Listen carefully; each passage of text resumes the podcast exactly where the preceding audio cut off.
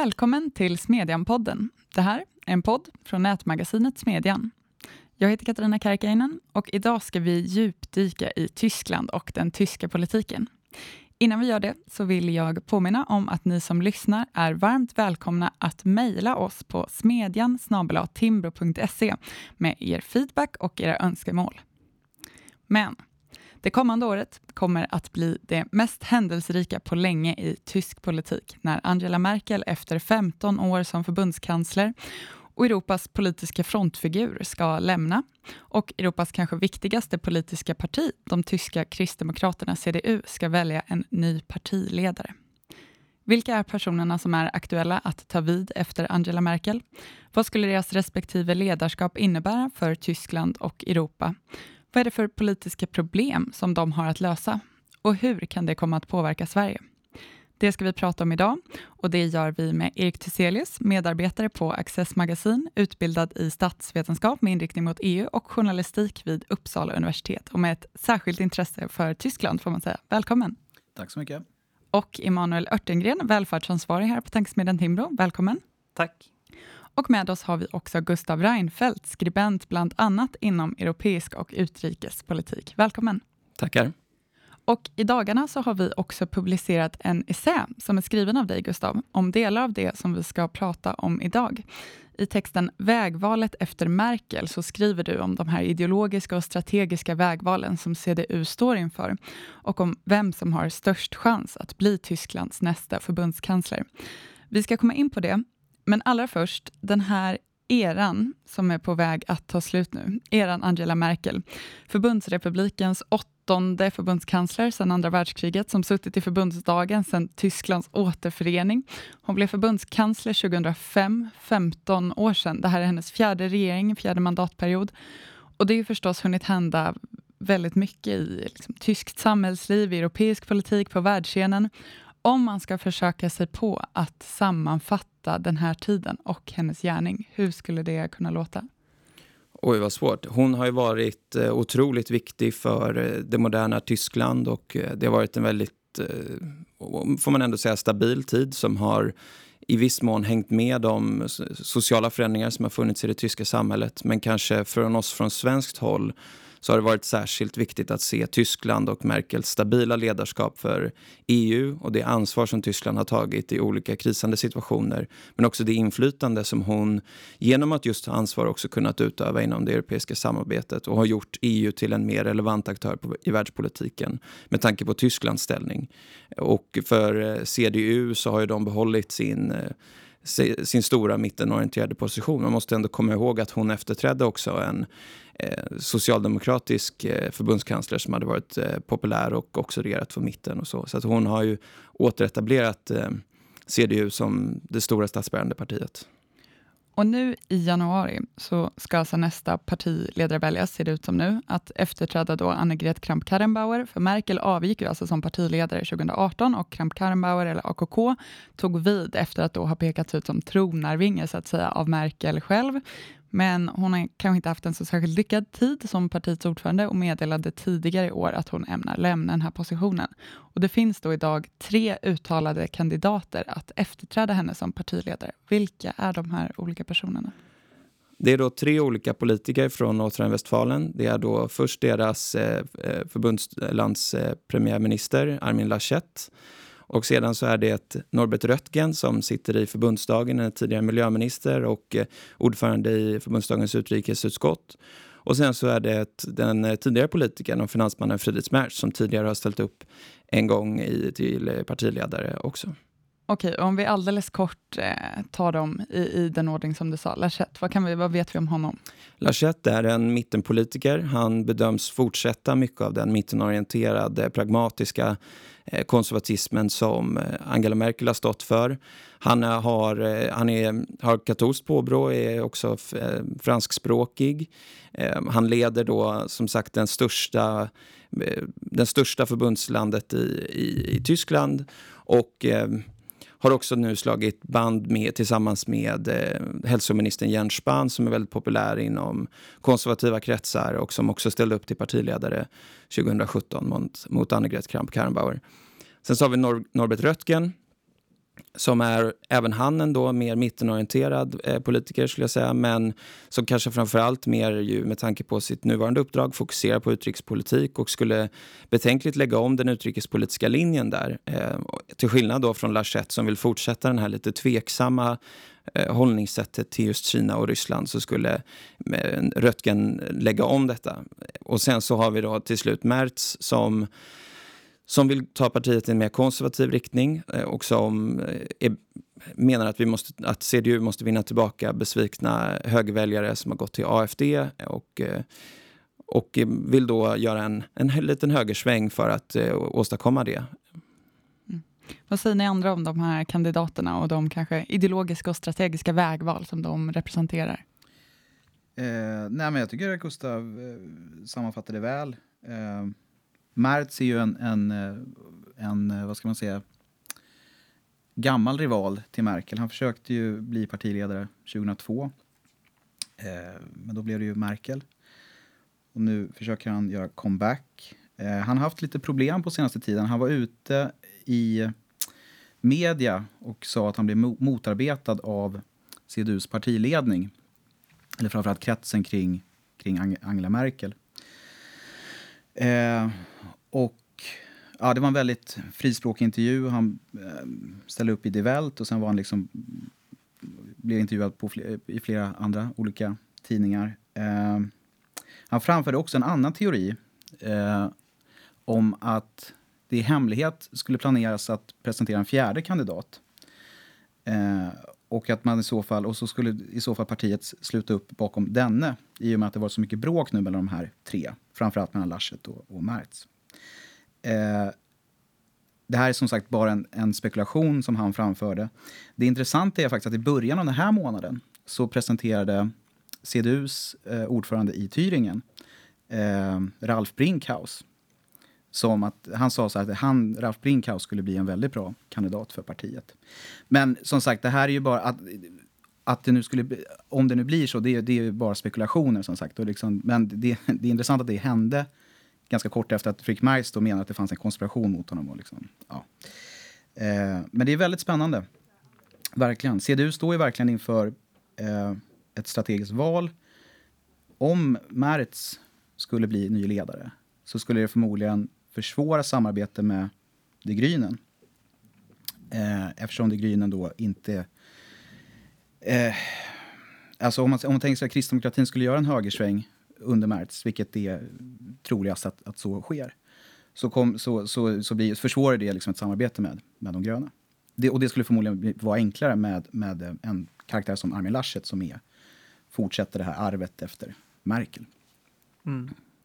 Nej, men det här handlar ju i grunden, som, som både Erik och Gustav har varit inne på, om huruvida man ska vara mer av ett mitten-högerparti eller om man ska gå i en, en ideologiskt mer, mer konservativ riktning. Och eh, jag tycker att det är intressant att båda huvudkandidaterna har ju på olika sätt under året saboterat lite för sig själva. Mertz då genom att framföra de här konspirationsteorierna om att han är motarbetad. Jag läste till och med att han har anklagat eh, som CDUs etablissemang för att använda covid-19 som liksom ett sätt att förstöra hans eh, eh, kandidatur genom att dra ut på processen så att eh, Armin Laschet kan samla större stöd. Och samtidigt så har ju Lachette haft egna problem därför att eh, han har inte hanterat eh, coronapandemin särskilt väl i sin egen hemdelstat Nordrhein-Westfalen. Och det gör att han har ju, hans image har skadats för att han eh, har visat sig inte kunna hålla då riktigt under eh, tryck. Så det, är, ja, det har inte sett så bra ut för någon av kandidaterna. Och samtidigt har ju Merkel enorma förtroendesiffror, alltså större än vad hon någonsin har haft under sin tid som förbundskansler. Jag tror att de är på 70 procent eller så nu. Och det kan vi jämföra med våra svenska politiker som jag tror ingen har mer än kanske 30-40 procent just nu. Ytterligare en eh, pikant detalj just kring Merts kampanj är ju att han hade ju och det här ligger faktiskt i linje med en del eh, saker som han har sagt historiskt sett eh, eh med sina väldigt konservativa värderingar kring familjefrågor och så, och så, vidare hamnat i blåsväder för att han fick en fråga just om eh, om eh, gayäktenskap som han har varit eh, emot, eh, vilket man ska säga även Laschet har varit emot. men Men då gick Mertz direkt och svarade som att ja, men homosexualitet är väl okej så länge det inte är pedofili och tycktes koppla ihop de här sakerna, vilket, eh, vilket fick eh, då Laschets eh, medkandidat Jens Spahn, som är en homosexuell man, att gå i taket. Han blev ju naturligtvis väldigt besvärd över detta och och det, och det här var också någonting som skadade Merits kandidatur lite. Han känns inte riktigt i takt med tiden för en del av de här mittenväljarna. Sen är han ju väldigt populär bland de mer konservativa gräsrötterna. Men det var ju inte kanske ett... Och det har också återupptagit en del av de här sakerna som, som, han, stod, som han röstade för på 90-talet. Där han exempelvis inte ville rösta för um, att man ska förbjuda våldtäkt inom äktenskap och såna här saker. Mm. Det låter på er som att Laschet kanske har bäst chans att vinna partiledarstriden. Det skriver du också i, i, din text, att det anses som att han har, har bäst chans. Jag skulle tro det baserat på att Mertz har försökt flera gånger tidigare och inte lyckats så att han då inte är lika populär hos ombuden. Men jag läste en text som, som Erik skrev på Access att eh, Mertz är ju egentligen den mest populära eh, i opinionen inom partiet. Och det kunde man även se i, i ungdomsförbundet Junge Unions medlemsomröstning där, Laschet, nej, förlåt, där Mertz vann stort. Men det är ju ändå ombuden som kommer rösta till slut och de valde bort Mertz förra gången också. Um, ja, jag, jag vill lyfta en, en, eh, en annan grej. Det, det som, det, läget är ganska intressant för att den populäraste kandidaten eh, om man frågar tyska folket vem skulle lämpa sig bäst som, som, eh, som kansler eller så här, har, har, du förtroende för den här personen som kansler, ja eller nej? Ställer man frågan binärt då. Eh, då är det Mark, eh, eh Marcus Söder som är överlägset först. Då. Han, har, han får 60 procent. de övriga kandidaterna ligger runt, liksom, nu har jag inte huvudet, men jag tror att Laschet hade 24 procent, Mertz eh, 25 procent. Och eh, men men det, det märkliga i sammanhanget är att, att Marcus Söder inte ställer upp Eh, dels är han ju... Dels CSUs är han med, partiledare. Precis, dels, ja, exakt. Bayerns ministerpresident och, och CSUs partiledare. Det har spekulerats länge om att han eh, skulle aspirera på, på att bli kansler. Eh, men om det, och, och, hela, den här, hela hans framtoning under coronakrisen och så tyder ju på att, på att han, försöker, han, har, han har försökt och har väl lyckats då, om man ska titta på opinionssiffrorna, ganska väl eh, aspirera på att vara någon slags landsfader. Då. Han har ju stått för en mycket, mycket tuffare linje i coronafrågan än eh, Armin Laschet. Eh, och om man, och om man, när man ser liksom till Merkels förtroende och, liksom, och den linje hon för är också den mer i linje med, med, eh, med Söder. Så det är liksom, han, han verkar ju liksom ha en strategisk fördel där. Men som sagt, han ställer inte upp än. Eh, och det är ju tio månader kvar nu till eh, valet till förbundsdagen. Så att om man nu skulle annonsera sin, sin kandidatur så måste det ske relativt snart. Så läget för CDU är ganska knepigt skulle jag säga. För att det tar tio månader i politiken är inte... Eh, ja, tio månader i politiken kan ju vara en evighet, men det kan också vara ganska kort tid att så att säga... Dels ska du liksom samla partiet runt den här eh, kandidaten, runt den här nya partiledaren. Och sen ska man försöka bygga... Sen ska man försöka föra en, en framgångsrik kampanj. Eh, ni, ni, andra som har liksom mer, mer erfarenhet från, från från politiken kan ju veta att det, det tar ju tid att, att liksom samla sig. Men för det här är nästa svårighet. Även om Laschet så att säga skulle bli partiordförande så väntar ännu en fråga, för det är inte självskrivet att han då skulle bli eh, kanslerkandidat. Nej, det kommer man eh, att behandla sen i partiledningen när eh, partiledaren väl är vald. Och vi såg ju SPD exempelvis, eh, sossarna, att de valde ju en vänsterorienterad duo förra året men, som partiledning. Men sen så valde de ändå till slut den biträdande förbundskanslern och eh, finansministern Olaf Scholz till kanslerkandidat för att han är mer mittenorienterad och väldigt populär och så vidare. Så vi har ju sett exempel på partier som väljer annorlunda och även CDU har ju valt eh, eh, tidigare. Men det känns ju det känns lite svårt att tänka sig att man skulle välja en partiledare i januari för att sen välja en annan kanslerkandidat. Lite så som Erik var inne på, att det tar lång tid att bygga förtroende. Och det skulle vara dels, ja, dels presentera två personer eh, sådär i kort tid innan valet men också lite förödande för den som precis har blivit partiordförande att inte själv bli kanslerkandidaten. Ja, jag vill också infoga att det finns en annan, eh, det finns en annan maktdynamik när det gäller valet av partiledare inom SPD. För där är det medlemmarna i partiet som väljer. Alltså en slags direkt, direkt demokrati. Medan då CDU har ju partiombud istället. Eh, och hade det varit, eh, hade det varit direktval, eller med, att medlemmarna röstade fram, då hade ju Frick Merz sopat den banan eh, med de andra kandidaterna. Eh, men, men så att säga, det, det, här är en, det här är en väldigt... Jag, jag, jag tolkar det som det är väldigt otänkt. Liksom, CDU kommer förmodligen aldrig liksom att, att, att, gå den vägen, så som SPD har gjort. Förmodligen också, jag vill infoga att, att eh, valet av de nuvarande SPDs eh, ledare förskräcker ju, för det är ju verkligen två eh, personer som är väldigt, väldigt mycket mer till vänster än den genomsnittliga SPD-väljaren. Mm. Men lite på den noten, och apropå Mertz också. Du skriver i din text, Gustav, att det finns eh, bland betydande delar av gräsrötterna en uppfattning att Merkel förvisso har varit framgångsrik i att vinna folkets förtroende, val och regeringsmakten, men att hon samtidigt gjort CDU ideologiskt otydligt. Eh, det är ju lite det här valet som man står inför nu. Vad, vad ger ni för den kritiken? Ligger det någonting i det?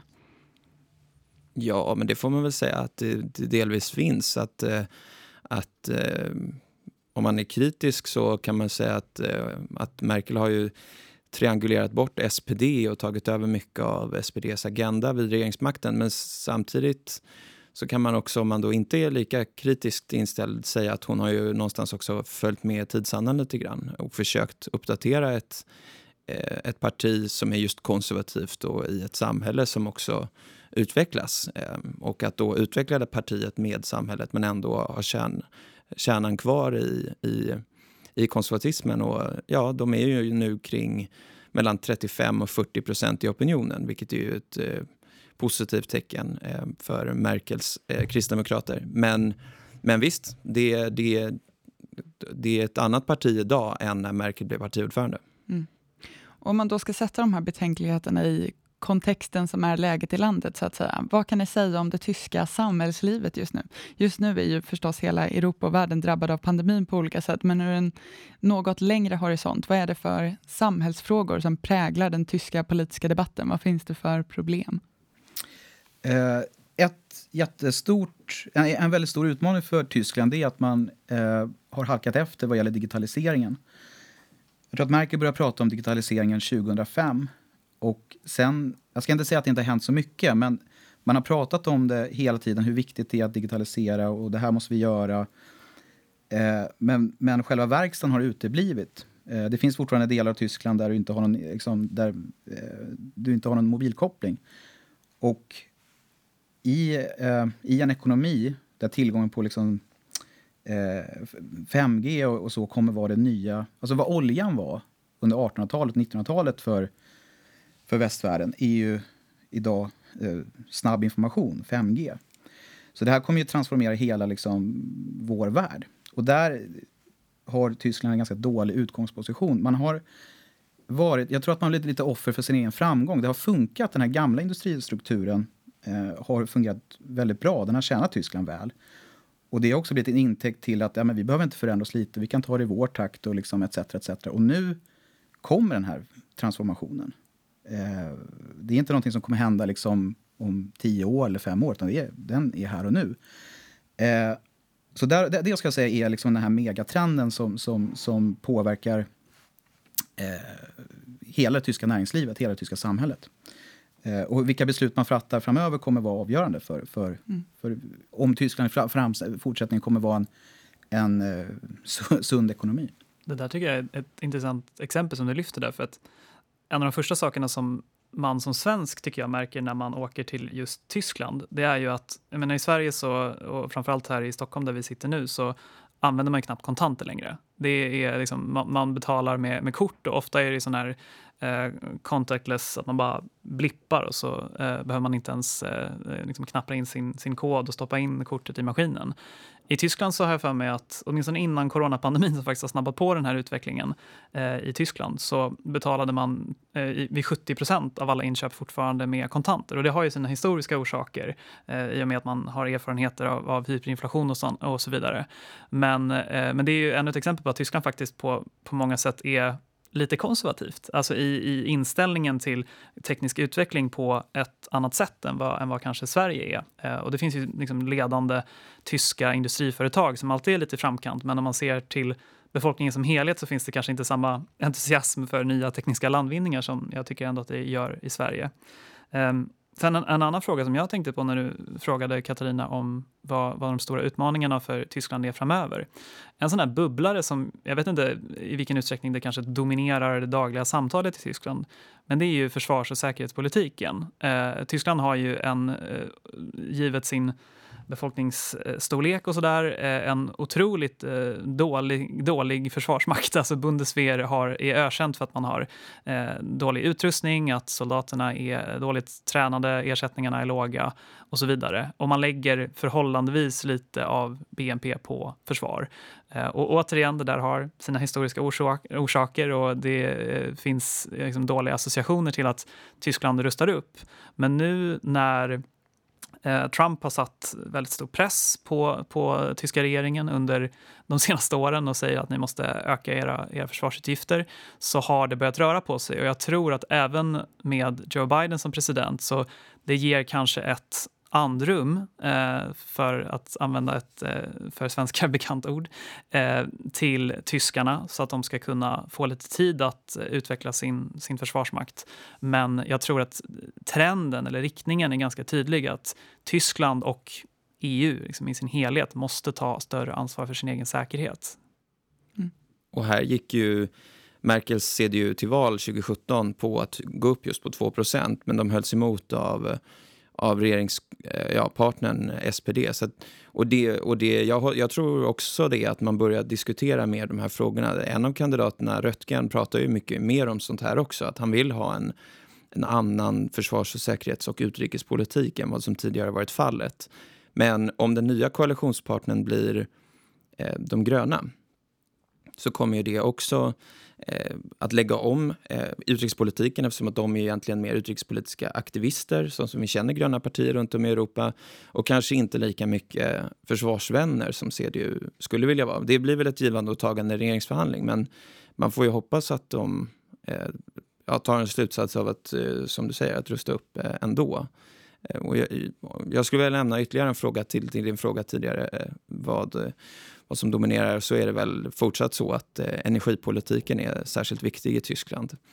Den väldigt misslyckade avvecklingen av kärnkraften drev ju på eh, kolanvändning i Tyskland. Så att nu under debatterna som var här hos Junge Union, då, hos ungdomsförbundet, så pratade alla tre kandidaterna om behovet av eh, ny modern teknik inom energisektorn. Och även mm, nämnde Marcus Söder då har ju själv framhållit väldigt mycket vad de gör för typ av klimatarbete i Bayern. Eh, och just det här hela spekulationen om att ens eh, regeringssamarbete regeringssamarbeta med de gröna härstammar ju också från att Tyskland som en stor industrination som använder kol och inte kärnkraft eh, har en debatt och en utveckling att göra inom kanske förny förnybar energi och så. Mm. Under migrationskrisen för fem år sedan så intog ju Merkel en roll som förespråkare för en relativt öppen politik i kontrast till en del andra stats och regeringschefer i EU och också mer, som vi var inne på, konservativa krafter inom CDU och CSU. Hur eh, har det landat? Hur låter den debatten idag? Alltså en, en, eh, en avgörande orsak till varför AFD har växt tror jag ligger i det här beslutet 2015. Eh, det blev en, en AFD bildades ju från början som en... Eh, ja, vad ska man kalla det? Euroskeptiskt. Framförallt så var det en grupp nationalekonomer som, som tyckte att de här stödpaketen till Grekland inte var förenliga med, med den tyska konstitutionen. Ett slags, ja, ett slags tysk junilistan kanske, alltså en, en intellektuell rörelse som sedan blev en invandringsfientlig, eh, islamfientlig parti. Eh, Precis, och det, här, det, finns, det, det handlar om timing också. För att när, samtidigt som man gör den här, eller precis innan man gör det här liksom skiftet så kom, kommer migrationskrisen. Vilket gör att AFD kan ju då liksom... Eh, de gynnas av att det, det är det partiet som säger att det här är farligt och hej och eh, Så det ska jag säga att, att, att det beslutet som Merkel tog där har ju varit en grogrund för AFDs framgångar. Otvetydigt så. Ja, och nu har ju de alla kandidaterna en annan linje. Även Merkel. De la ju om migrationspolitiken och eh, det är ingen som, av kandidaterna som kandiderar nu som förespråkar den typen av politik som var 2015. Och, och lägg där till AFDs framväxt så, är, så, så har de ju också fått fortsatt vatten på kvarnen i, sina ursprungliga, i sin ursprungliga kritik. Då, då. Alltså det har inte alltid tagits emot så väl att Tyskland måste vara en sån stor ansvarstagande kraft inom EU-ekonomin och att bidra så mycket till så många misskötta länders ekonomier. Det är ju, det är ju ett argument som lever kvar. Och, och när, man, när det görs såna här reportageresor till väljare till delar av Tyskland där AFD är starka, vilket oftast är gamla Östtyskland, så är ju deras eh, argument ofta att eh, regeringen satsar inte några pengar på oss, här finns inga jobb, utan det satsas bara pengar på eh, utlandet och på invandrare. Så det är väl båda de här eh, händelseutvecklingarna som har tagit upp dem på ett stöd kring ja, strax under 10 procent. Mm. Mm. Lite på den noten. Emanuel, du har varit med och tagit fram en rapport som Claes Renberg, professor i hälsoekonomi, har mm. skrivit eh, på Timbro. Det östtyska undret heter den. Kan inte du berätta vad det är ni kommer fram till där? Ja, spontant låter det kanske konstigt att just Timbro ger ut en rapport som heter Östtyska undret, men vad vi vill beskriva är framförallt utvecklingen efter Berlinmurens fall och Tysklands återförening eh, på, inom hälso och sjukvårdsområdet och hur medellivslängden eh, visar vi i rapporten. Eh, skillnaderna i medellivslängd mellan Väst och Östtyskland de ökade markant från ungefär eh, 1970 fram till murens fall. Eh, och det berodde mycket på att eh, Östtyskland som var en planekonomi hade sämre ekonomisk tillväxt och hade då också mindre resurser att eh, investera i sjukvården. Och det gjorde att man fick inte tillgång till eh, modern medicinsk teknik, till eh, nya läkemedel Eh, och det innebar i sin tur att man inte lyckades få ner dödligheten lika mycket som i Västtyskland, eh, framförallt i hjärt och kärlsjukdomar. Eh, och dessutom så hade äldre mycket sämre levnadsstandard i forna Östtyskland eftersom eh, ersättningarna från pensionssystemet var så mycket lägre i förhållande, både i, i absoluta tal men också i förhållande till vad man eh, tjänade som löntagare. Ehm, och eh, sen efter Tysklands återförening så ska man ju säga det ehm, att det har gjorts enorma investeringar i forna Östtyskland för att förbättra infrastrukturen, för att förbättra välfärdssektorn och det har eh, gett resultat. Nu är de här skillnaderna i medellivslängd i stort sett utraderade. Ehm, men det jag tror att eh, Eh, AFD-väljare som, som Gustav sa ofta finns i forna Eh, Östtyskland tänker på när de tänker att nej men, eh, regeringen satsar inte här och de investerar inte i oss, det är ju att eh, arbetslösheten i Östtyskland fortfarande är större. Eh, den stack iväg när man då släppte det här med, som man har i planekonomier, man har ett mål om full sysselsättning och alla ska göra någonting även om det inte är särskilt meningsfullt alltid. Och sen skulle jag också säga att det en, en sån här kvar, kvardröjande skillnad eh, mellan, eh, mellan väst och öst. Den, den, är väl liksom, ja, men som, som vi var inne på när vi pratade innan podden, du och jag Katarina, mm. att de här människorna som, som slogs ut från arbetsmarknaden, eh, det var ju människor som var i medelåldern, kanske 45-50 i början av, av 90-talet och de har aldrig riktigt kommit tillbaka. Eh, de som har fått det bäst är ju efter återföreningen är framförallt yngre och äldre. Äldre har då framförallt fått mycket bättre pensioner och därför högre levnadsstandard och därför så lever de lika länge i väst och eh, då forna Östtyskland idag. Vilket är en, mm. en enorm förbättring, det måste man ändå understryka. Mm. Det är lite den känslan man får också, det är lite olika utsagor beroende på vem inom så att säga, den tyska politiken som man pratar med. Eh, det här med hur, hur viktig skiljelinje öst och väst är för människor eh, alternerar lite med vilken generation man kommer ifrån. Um, Merkel har ju kallats för den Europeiska unionens egentliga ledare. Utifrån de här kandidaterna, vad tror ni att eh, Tyskland kan komma att spela för roll inom EU? Är det ett fortsatt eh, starkt inflytande som vi har att vänta? Ja, det tror jag. Jag tror att eh, eh jag tror att Tyskland som nation, dess storleken på dess ekonomi och inflytande i alla europeiska institutioner gör att Tyskland kommer att ha fortsatt viktig makt, särskilt om man väljer en mer mittenorienterad eh, kandidat. Men, men man ska också säga att mycket beror ju på Merkels person och att hon har varit med så länge. Hon har så goda relationer. Så jag tror ändå att vi kommer få se ett eh, inflytandetapp initialt för nästa tyska förbundskansler. troligtvis då till eh, till Macrons fördel. Eh, för mm. att han, han skjuter fram sina positioner i EU-samarbetet med sin EU-vision och så vidare och kommer ju vara då en mer slipad eh, slipad person i de här sammanhangen också eh, efter Merkel har försvunnit. Man ska också komma ihåg att det funnits en ganska stor frustration i, i Paris över att, att de senaste två, tre åren har ju präglats av ett maktvakuum i, i tysk politik. Man vet inte vem som kommer efter Merkel. Så att det är helt sant som, som Gustav säger att Macron har, har skjutit fram positionerna i EU. Samtidigt så vet ju Macron att, att Frankrike kan inte ensamt gå fram utan det är bara när Tyskland och det är bara när Frankrike och Tyskland gemensamt tar steg framåt som, som äh, saker verkligen kan hända. Uh, så jag tror att ur, ur, Par ur Paris synvinkel så vill man bara veta vem som ska ta över härnäst mm. och börja positionera sig efter det. Liksom. Mm. Jag tycker också att det ska bli intressant att se vem som...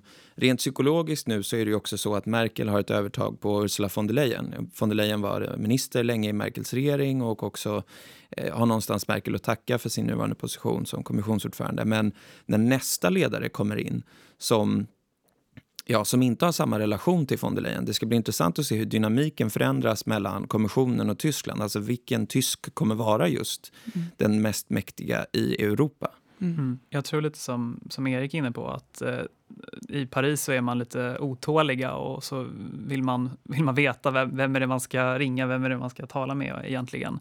Och mitt intryck är ju att, eh, som, som Gustav var inne på, att eh, Macron kommer de närmaste åren att vara den som driver på EUs utveckling. Och det har egentligen varit så de senaste åren också skulle jag säga. Även om det är Tyskland som till slut bestämmer Eh, så är det Macron som har kommit med idéerna och initiativen. Det är han som har drivit på eh, fördjupningen av eurozonen inte minst eh, och det här coronakrispaketet. Det, det blev inte någonting av förrän Merkel bestämde sig att nu ska även Tyskland gå med på att man till exempel då ska ge bidrag till länder i södra Europa. Men det var Macron som redan hade idéerna och därför initiativet från, från början.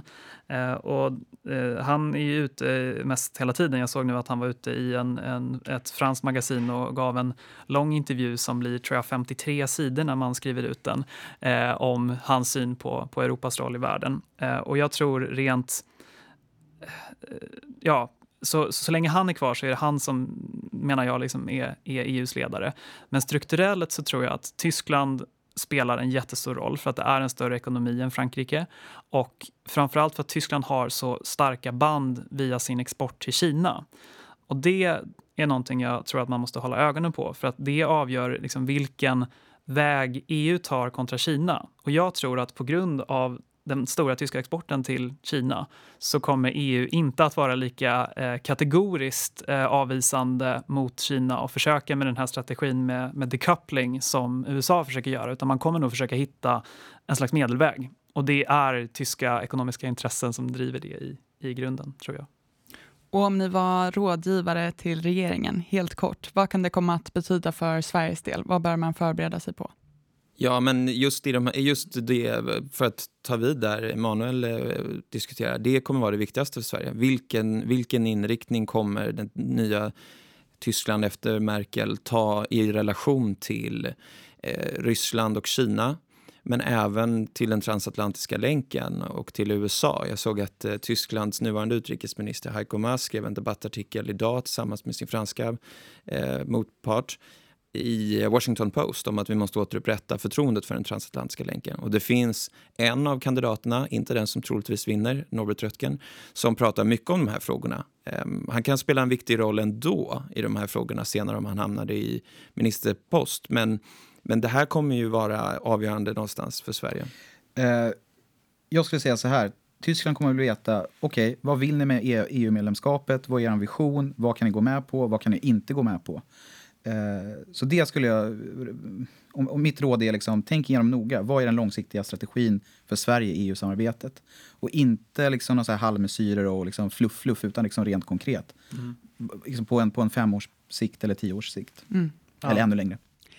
Vi behöver alldeles strax runda av, men en sista sak bevakningen av europeisk och till exempel tysk politik är kanske i min eller vår mening inte alltid vad den borde vara. Det behöver man inte älta utan bara försöka göra bättre själv. Men lite på den noten, finns det någonting som vi i Sverige borde vara bättre att, eh, liksom, på att förstå om Tyskland? Och om man tyckte att eh, det här var intressant och vill ha mer, vad skulle ni tipsa om för läsning eller lyssning framöver om man vill kunna följa utvecklingen?